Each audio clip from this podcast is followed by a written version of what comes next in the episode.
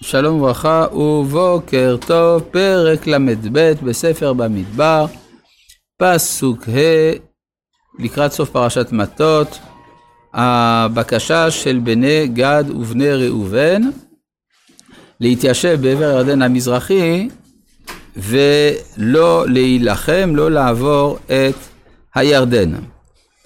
ויאמר משה לבני גד ולבני ראובן, האחיכם יבואו למלחמה ואתם תשבו פה. כלומר, הטיעון הראשון הוא קודם כל טיעון של בן אדם לחברו. איפה שותפות הגורל, איפה הסולידריות. אז זה הנקודה הבסיסית. לא ייתכן שחלק מן העם יילחם וחלק אחר כבר מתיישב, בכאילו שמעולם לא הייתה מלחמה. מה שיש בעמדה הזאת זה מן העמדה שהייתה בסדום, שכאשר אה, אנשי סדום הרגישו שהם האנשים העשירים בעולם ולא חסר להם דבר. אז הם החליטו שלא לתת יותר צדקה, כדי לחיות בבועה פנימית כאילו ששאר העולם לא קיים. וזה בעצם עיקר חטאתה של סדום. כמו כן גם כשמישהו כבר הגיע להשלמת היעדים של החיים שלו, במקרה הזה בני גד ובני ראובן, שכבר כבשו את נחלתם, אז הם מרגישים נתק מסוים משאר העם שעדיין צריך להילחם על אה, כיבוש הנחלה שלו. לכן משה מזהיר מהדבר הזה.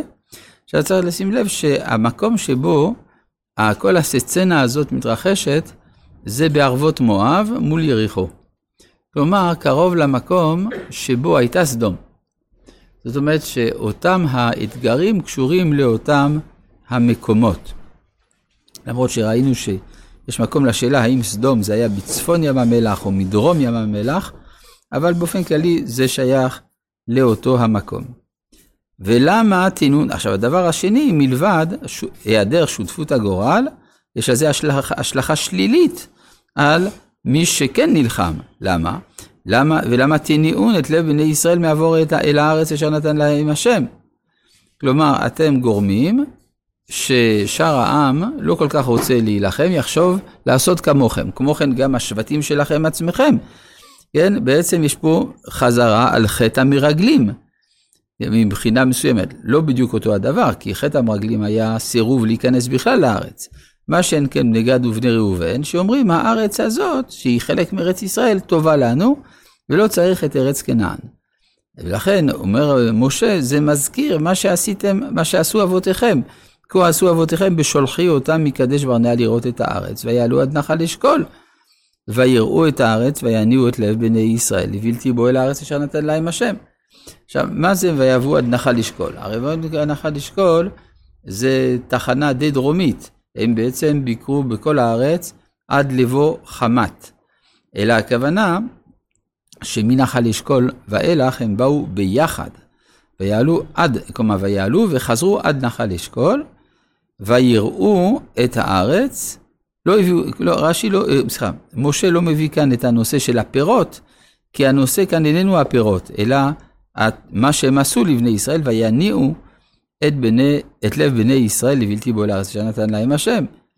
ויחר אף השם ביום ההוא, וישבע לאמור, אמרו האנשים העולים ממצרים בין עשרים שנה ומעלה, את האדמה אשר נשבעתי לאברהם, יצחק וליעקב, כי לא מילאו אחריי. בלתי כלב בן יפונה הכניזי ויהושע בן נון, כי מילאו אחרי השם. ויחר אף השם בישראל, והנה במדבר ארבעים שנה, עד תום כל הדור העושה הרע בעיני השם. והנה קמתם, תחת אבותיכם תרבות אנשים חטאים. תרבות הכוונה גידול. כן, כמו בארמית, ריבויה. ריבויה כמו לגדול, להתרבות. לספות עוד על חרון אף השם בישראל, כי תשובון מאחריו ויאסף עוד להניחו במדבר ושחררתם לכל העם הזה. עכשיו פה יש אה, שאלה גדולה. איך יכול להיות שמשה כועס? הרי כתוב ויחר, כן? זה... ויר... כלומר, אה, משה, לא, אה, כתוב שמשה כועס, לא משנה אם כתוב, אבל רואים ש... הוא, אה, הוא מדבר על זה שהשם כועס, והוא לכאורה כאן נשמע גם כן מאוד אה, לא מרוצה. והרי אנחנו יודעים מה התוצאות של הכעס של משה, שזה גרם לו עונש חמור, שהוא לא נכנס לארץ. אלא מזה אנחנו לומדים שבענייני ארץ ישראל, הכעס ראוי. כן? כלומר, יש מה שנקרא כעס קדוש. הכעס הקדוש הוא ראוי, ולכן משה כאן איננו אה, חושש לתוצאות של הכעס. אבל מה שאומר כאן משה, שבעצם יש פה חזרה על חטא המרגלים. אגב, בפסוק י"ב, בלתי כלב בן יפונה הקניזי. מה זאת אומרת קניזי? כן, האם הוא היה אה, מהמשפחה של כנז? כנז זה בין בני עשיו, כן? אז אומר שהוא קרוב משפחה של עתניאל בן כנז. מה הקשר המשפחתי המדויק? יש בחז"ל מספר פירושים, הדברים לא מוכרעים. אבל מה, ש, אה, מה שחשוב זה שהוא, שיש פה שני אנשים שהמדיניות שלהם ביחס לארץ ישראל היא מדיניות נכונה. של אה, כלב בן יפונה שמעודד את העם בשיחת מוטיבציה לעם, ויהושע בן נון שהוא באמת ראוי לנהל את הצבא של, של עם ישראל. כי תשובון מאחר, אה, אז לכן באה הצעה חדשה של בני גד ובני ראובן, ויגשו אליו ויאמרו, גדרות צאן נבנה למקננו פה, וערים לטפנו, ואנחנו נחלץ חושים לפני בני ישראל, אשר הם אביונים על מקומם.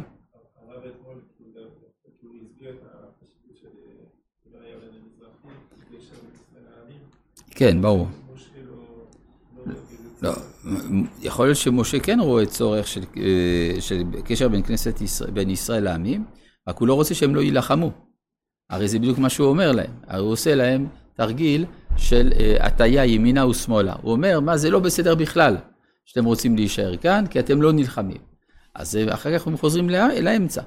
ואז באים עם ההצעה הנכונה.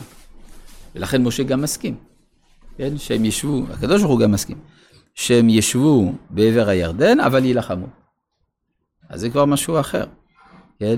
אה, לכן הם באים עם ההצעה, הם אומרים, אנחנו נילחם, ואנחנו נחלץ חושים לפני בני ישראל עד אשר הם יבואו אל מקומם, וישבת אפינו בערי המצר מפני יושב הארץ, יושבי הארץ, לא נשוב אל בתינו עד ננחל בני ישראל איש נחלתו. אז יוצא לפי זה בסוף, שבני גד ובני ראובן, בעצם יש להם גורל יותר קשה מכל השבטים. כל השבטים, ברגע שאני יודע, שבט יהודה או שבט אה, אה, נפתלי, כבש את נחלתו, אז הוא מפסיק להשתתף במלחמה הכללית. מה שאין כן בני גד ובני ראובן, שאדרבה, עד שכולם לא מתיישבים, אנחנו לא חוזרים. כן? וזה לקח 14 שנה. 14 שנה שהטף והנשים והצאן ישבו בערי המבצר. מן הסתם מדי פעם היו באים שם להגן עליהם, כן? הרי לא ייתכן שנשים וילדים הם אלה שיעמדו מול יושבי הארץ. כן, מול, מה זה יושבי הארץ? לא יושבי הארץ, אה, אנשי סיחון ואוג, הרי הם הושמדו, אבל ייתכן מעמון ומואב, או אנשים נוספים שמגיעים אל הארץ, או אפילו מהכנענים שיבואו לשם. אז ברור שצריך גם שיהיה צבא שישמור עליהם, רק שהצבא הזה איננו קבוע. אז במשך, בעצם היה פה מילואים של 14 שנה רחוק מהבית, ואחר כך כשהם חזרו, הם היו צריכים כנראה גם עוד להילחם, כפי שעולה מספר דברי הימים, שהיו שבטים שפרצו מן הבד... שפלשו מן המדבר, שבני ראובן היו צריכים להילחם בהם. לכן אומרים, אה, אין מה לדאוג, אנחנו נעשה את התנאי של בני גד ובני ראובן. כי לא ננחל איתם מעבר לירדן והלאה, כי באה נחלתנו אלינו מעבר הירדן מזרחה. מה זה באה אלינו? הזדמן לנו. זאת אומרת שכמו אדם שמוצא מציאה, שזה בא אליו בקלות, הרי אדם לא מתכוון. כשכבשו את ארץ סיחון, לא התכוונו בהתחלה אה, להתיישב בה, אבל זה יצא להם ככה. אז זה מה שנקרא נחלה מבוהלת. שאומרים חז"ל שכיוון שבני ראובן היו הראשונים שרצו להתיישב, ולא הייתה להם סבלנות בהתחלה, אז אה, לכן גם היו הראשונים לגלות. עכשיו, זה גם אופייני לראובן וגד, להיות, לרצות את החלק הראשון בתור בכורות. ראובן הוא בכור של לאה, וגד הוא בכור של זלפה.